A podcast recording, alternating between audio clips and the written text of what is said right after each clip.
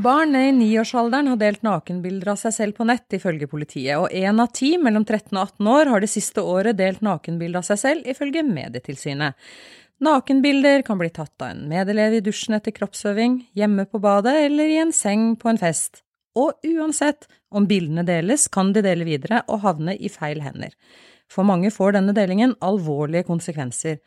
Velkommen til Lærerrommet, podkasten fra Utdanningsforbundet. Navnet mitt er Vigdis Alver.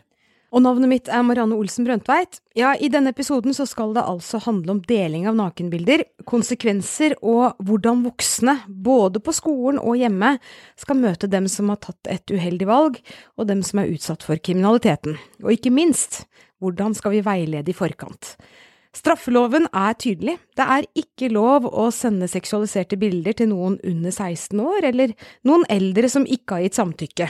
Og det er i utgangspunktet straffbart å ta, ha eller dele nakenbilder eller film av noen som er under 18 år.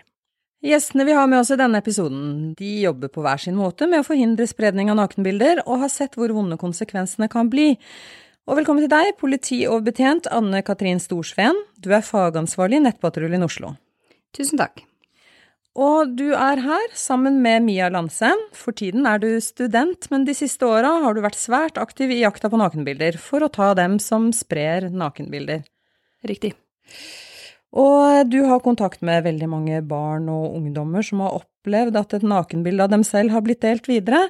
Og Mia, kan du fortelle, hvor havner disse nakenbildene? Nakenbildene de havner jo overalt. Eh, det er mange som havner i starten på Messenger på Facebook, Snapchat. Eh, det er typisk der de spres videre, gjerne av yngre. Men til slutt så blir de jo delt i kanskje større chatter, kanskje i noen grupper, nakenprat, eh, diverse nettsteder. Og til slutt så havner det jo helt i Ville Vesten. Det havner på pornonettsider, og det havner i organiserte nettverk av f.eks. pedofile, eller organiserte nettverk av nakenbildespredere. Og der sitter du, som ikke er politi, og oppdager at uh, her kan det ha skjedd straffbare handlinger. Og, og, hva gjør du når du oppdager det, og gjerne i kontakt med de som har opplevd dette, da? Før jeg ble kjent for arbeidet mitt, så jobba jeg i to år skjult. Det vil si at jeg heller sa ifra til dem som har blitt delt videre, som ikke er så vanskelig, i og med at man blir gjerne spredd med fullt navn for at bildet skal ha en verdi. Men nå til dags når jeg er blitt mer kjent, så sender jo folk meg en melding på mail eller Snapchat og Facebook, sånn at jeg kan være tilgjengelig på alle mulige kanaler, da. Men hva, hva, gjør du, tar du kontakt med politiet om dette, eller hvordan, hvordan gjør du når du får vite at det har skjedd noe straffbart? Altså, det er jo opp til hver enkelt å anmelde. Jeg kan ikke anmelde for noen andre, eh, men der det har skjedd noe straffbart, så vil jo politiet også bli kontakta i de fleste tilfellene. Men det er jo mange som ikke ønsker det heller. Det er ikke bare å sende et 'hei, her er det 10 000 nakenbilder av norske jenter og gutter', eh, kan dere gjøre noe med det? For det, det er forsøkt, og det, mm. det får ikke noe effekt. Nei, Men du oppfordrer da barn og ungdom til å ta en voksenkontakt? Alltid. Ja. Uh, første av mine tips er å snakke med noen, og da spør jeg gjerne når det er yngre som sender meg melding og sier 'hvem skal jeg prate med', og da sier jeg 'er det kanskje en lærer du liker spesielt godt', eller kanskje helsesøster på skolen din er grei'? Uh, og da sier de gjerne kanskje kontaktlæreren sin og 'ja, han eller hun er jo veldig hyggelig å snakke med', så jeg 'kan du ikke prøve å snakke med dem'? For det er veldig mange som kvier seg for foreldrene sine. Og det er mange fortvilte barn og ungdommer du har kontakt med. Eh, hva forteller de om konsekvensen av det de har opplevd? Jeg har dessverre opplevd at eh, det er noen som har drept seg sjøl. De får masse meldinger, de får eh, penisbilder tilsendt, det er voksne som kontakter, de kaller deg hore, de det ender opp med at de ikke har lyst til å komme på skolen lenger og sliter med psykiske problemer for resten av livet sitt. Storsveen, Politiets nettpatrulje, hvor du er fagansvarlig, så kommuniserer dere via Facebook, Snapchat, Instagram, Messenger, der også mange barn og unge er. Mm. Hva er de største problemene som de forteller til dere der?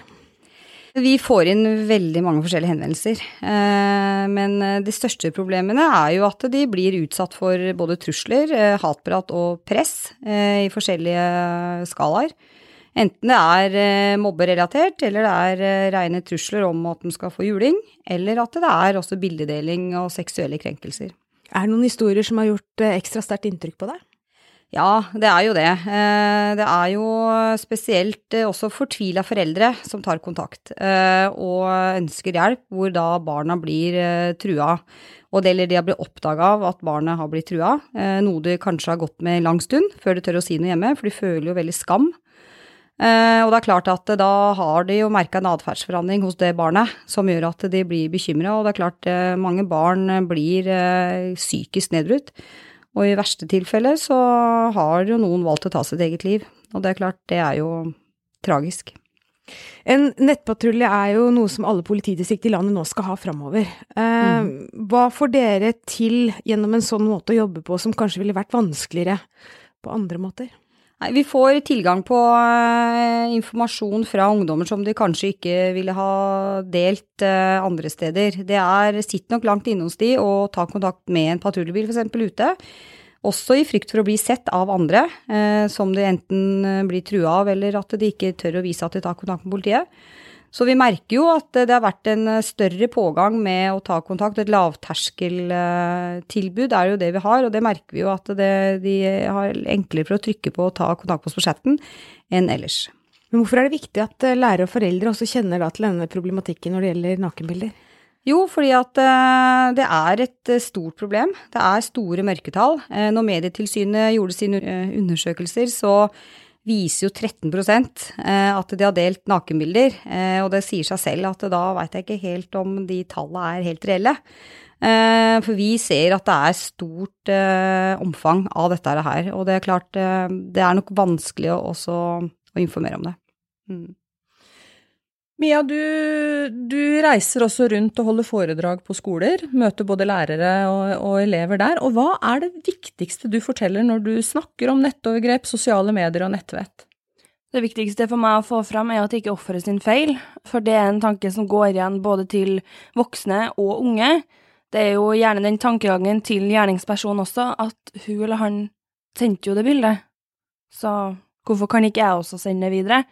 Og det andre viktigste er også å få frem at det her er ikke snakk om at bildet blir sendt til to-tre andre personer. Det er mer innvikla, det blir spredd og kategorisert, du blir organisert i mapper etter bryststørrelse, hårlengde, etter fylket du bor i, hvilken skole du går på. Det er ene grupperinga der du må vertifisere deg som en nakenbildespreder ved å spre et nakenbilde, og da blir du lagt til fra step til step for å bli mer og mer anonym. Og der, altså, det er ikke bare snakk om at det er jenteblond og jentemørkt hår. Her er snakk om skolene, altså. Klassene de går i. Trondheim husker jeg hadde en egen gruppe, eh, Trondheim naken. Eh, og der sto alle skolene våre lista opp, og der var det rundt 10 000 medlemmer i på under en dag. Og når du snakker om det her på, på skoler, hva, da møter du vel eh, både ungdom som har opplevd dette og forteller om det også, men hva, hva er det de sier sånn generelt at de trenger fra lærere eller, eller voksne generelt? Forståelse. De er så redd eh, for at de skal bli dømt, og de er jo redd hvis det er for eksempel en, la oss si en gutt i klassen da, sprer et nakenbilde av noen, og jenta sier ifra, så blir hun jenta utfrosset. Hun ene måtte slutte på skolen i åttende klasse, fikk sosial angst, posttraumatisk stresslidelse og har flere ganger forsøkt å ta sitt liv. Og det er fordi hun sa ifra. Hva, hva kunne skjedd annerledes, hva kunne man gjort? Det handler jo om at læreren da ikke møter med ja, men hvorfor sendte du et nakenbilde av deg sjøl? For det er mm. den tanken som skremmer mange. Det er derfor ungdom ikke tør å si det til foreldrene sine. For når mm. man da har hørt om det her i media, så står foreldrene med pekefingeren, mm. eller lærere, eller generelt voksen folk i kommentarfelt, og sier at men du må i hvert fall ikke sende nakenbilde av deg sjøl. Storsvenn, du nikker. Gjenkjennende til det? Eh, ja, altså vi er i hvert fall opptatt av hos oss eh, i Nettpatruljen Oslo at vi skal ikke ha noe belærende tone, for at det er, virker mot sin hensikt. Og det er klart at eh, når et barn kommer og forteller om et nakenbilde de har sendt, så skal det i hvert fall bli tatt på alvor, men samtidig så skal det møtt med en forståelse. og det er klart at mange barn lever under press, som gjør at de sender dette nakenbildet som kan bli fatalt for dem. Og jeg tror ikke vi forstår helt hvilket press et niårig barn kan leve under eh, når en voksen person tar kontakt og truer både med det ene og det andre eh, for at de skal få de bildene. Og de blir fanga i, et eh, såkalt edderkoppnett som de ikke klarer å komme seg ut av. Og da er det viktig at vi eh, voksne ikke reagerer med panikk, f.eks. At vi rett og slett bruker hodet og, og med fatning og så forklarer at det, er ikke din skyld. Eh, at du har blitt utsatt for det du har blitt utsatt for, og at det er jo lov å gjøre feil. Og erfaringen din, eh, Mia, er vel også at det er et sug etter kunnskap eh, der ute? At det mangler litt kunnskap blant flere voksne om hvordan de skal håndtere dette? Og flere i politiet enn deg, Storsveen, fra nettpatruljen vi har med oss her, jobber jo forebyggende med denne problematikken. Og i Kripos-prosjektet Delbart har skoler over hele landet fått et undervisningsopplegg, og politiet holder også foredrag på skoler. Og jeg bare lurer på, Mia, hva er din motivasjon for å jobbe med det her? Hadde, altså det er jo egentlig bare Det starta litt generelt, da. Jeg har alltid syntes at ting er urettferdig, og vi hadde gutter som sprang inn i garderoben, og som låste opp doen eh, når jeg satt på do. Eh, og det ble ikke tatt alvorlig av de voksne. Ingen av plaginga eller mobbinga fra de her guttene, eller den seksuelle trakasseringa. Og det ga meg en sånn Det ga en faen inni meg, da. Eh, og når hun jenta ble spredd rundt, da På min skole, den første saken min, da ble jeg så forbanna. Og da ble det bare sånn at jeg så flere ofre på nettsidene, og da klarte jeg ikke å stoppe, I guess. Som vi nevnte her tidligere, den Kripos-prosjektet Delbart, så har også fortalt oss da at erfaringen derfra eh, er at ikke alle ungdommer er klar over lovverket mm. når det kommer til bildedeling. Og samtidig så er tilbakemeldingen også, som de forteller, at de er glade for å vite hvor grensene faktisk går. Mm. Hva kan vi gjøre med dette potensialet som ikke er helt dekka opp her? Nei, her må vi bare gå ut med informasjon eh, hele tiden og, og, prøve å svare ut og forklare hvordan lovverket fungerer. Og at norsk lov gjelder jo like mye på nett som ute på gata. Eh, og så må vi forklare da litt forskjellig med ikke politifaglig språket, men forklare på et godt eh, norsk språk som gjør at de forstår hva dette lovverket innebærer. Hva er skolens ansvar her? Nei, skolens ansvar har jo et like stort ansvar når det gjelder å informere ut, og jeg syns at de også bør sette seg inn i lovverket, og for å sette seg inn i problematikken og fenomenene som er. og, og det de lurer på, det kan du jo ta kontakt med politiet og spørre om, for eksempel, altså få litt eh, informasjon som vi kan dele. Mm. Mia, du selv snakker jo veldig direkte om det som skjer, og hva, hva ungdom og barn eh, forteller. Og hvor langt syns du at lærere og foreldre også skal gå når de snakker om dette? For meg så var ene læreren min eh, veldig viktig for meg. Uh, han gikk inn og ga meg positivitetsboka. Jeg skulle skrive ned positive ting, uh, og skulle se på det når jeg var trist og lei. Lærer og foreldre i barns første leveår, da spesielt også med tanke på barneskolen også senere, er viktig. og de skal absolutt gå inn like mye som de hadde gått inn i en mobbesak, eller som min lærer gjorde til meg med den boka, for det var med å redde livet mitt. Og den boka har jeg ennå. Mm. Og de er jo ganske unge, de dere begge nevner uh, unge mm. jenter. Og, mm. og, skal foreldre bli strengere når det gjelder nettbruk og sosiale medier? Og skal skolen oppfordre til det, syns du, Mia? Ja.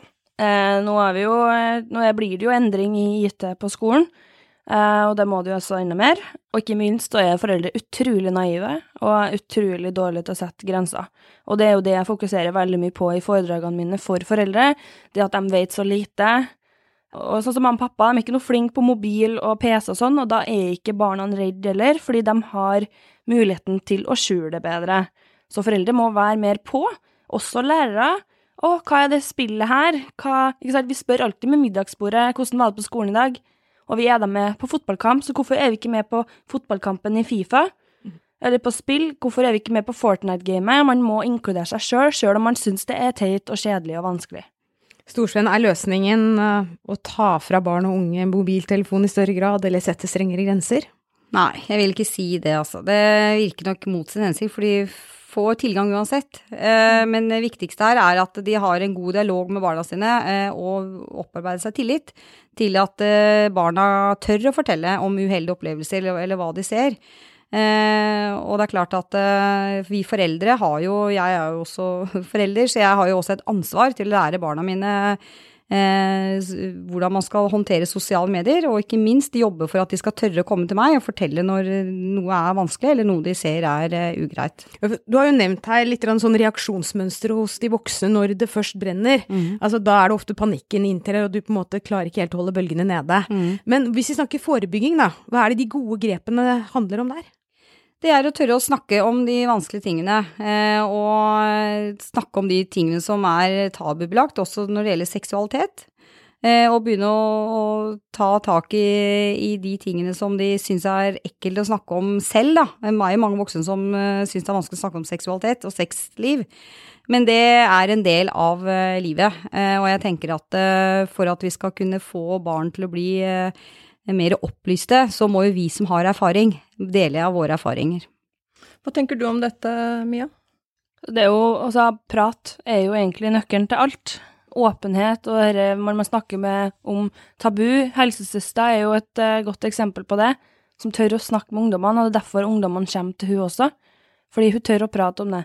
Og jeg tipper foreldre syns nok det er veldig kleint. Uh, mine foreldre turte aldri å ta sånn prat med meg, um, og jeg ser den, men det jeg, jeg ser det egentlig ikke helt, da, for det er jo noe vi alle sammen gjør og må være igjennom. Vi var inne på det litt i sted, men det er jo flere eksperter som mener at en oppfordring eller krav om å slutte å ta seksuelle bilder av seg sjøl er nytteløst. Hva mener du? Det er nytteløst fordi de vil alltid bli pressa til det, eller de vil alltid bli avbilda når de er full, eller hvis de er på en russebuss. Eh, så klart, man må tenke seg om. Jeg sier ganske indirekte i foredragene mine tenk over før du sender et nakenbilde av deg sjøl, men jeg sier det aldri direkte de kan kognitivt utvikle seg og tenke sjøl ved at jeg viser dem hva man kan bli utsatt for, og da er det mange som tenker om, seg om og bare Kanskje det ikke er så lurt. Men hva med en åtte- eller niåring, da, som gjør det i lek? Ja, her er det jo det med lek, da. Eh, jeg vet jo, det er jo en mor som har sendt meg melding at eh, sønnen sin hadde sendt et rumpebilde av seg sjøl til noen andre, på et tilfeldig nummer.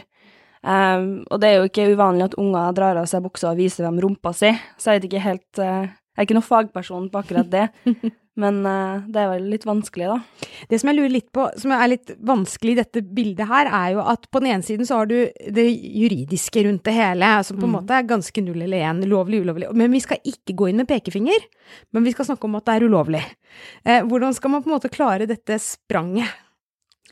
Ja, det er et godt spørsmål. Eh, nei, altså det er jo alltid noen gråsoner her, og man må jo bruke litt skjønn, selvfølgelig. Og det kommer helt an på alder også, og, og, hvor bevisste de er når de gjør det. Og det er klart, det er jo veldig mange barn som er veldig ubevisst på hva de gjør. Eh, og ikke forstår når de trår over den, en grense for at det gjør noe kriminelt, da, for eksempel. Eh, og det er heller ikke alle som forstår at de blir utsatt for noe kriminelt.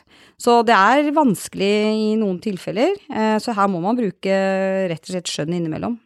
Ja, De som deler videre første gang, er ofte samme alder som de som opplever at bildet av dem selv havner i feil hender. Mm. Eh, hvordan er det riktig å følge opp de som deler? Nei, Vi har jo hatt noen saker nå sjøl hvor vi har fulgt opp noen ungdommer. Eh, og der er det jo viktig den bevisstgjørelsen å vise til eksempler, f.eks., som vi har gjort, og snakke litt eh, om eh, det å dele, og altså få det til å reflektere litt over det de gjør. Eh, og tenke over at eh, Ja, hva skal jeg si? Altså få det rett og slett til å bli bevisste, da.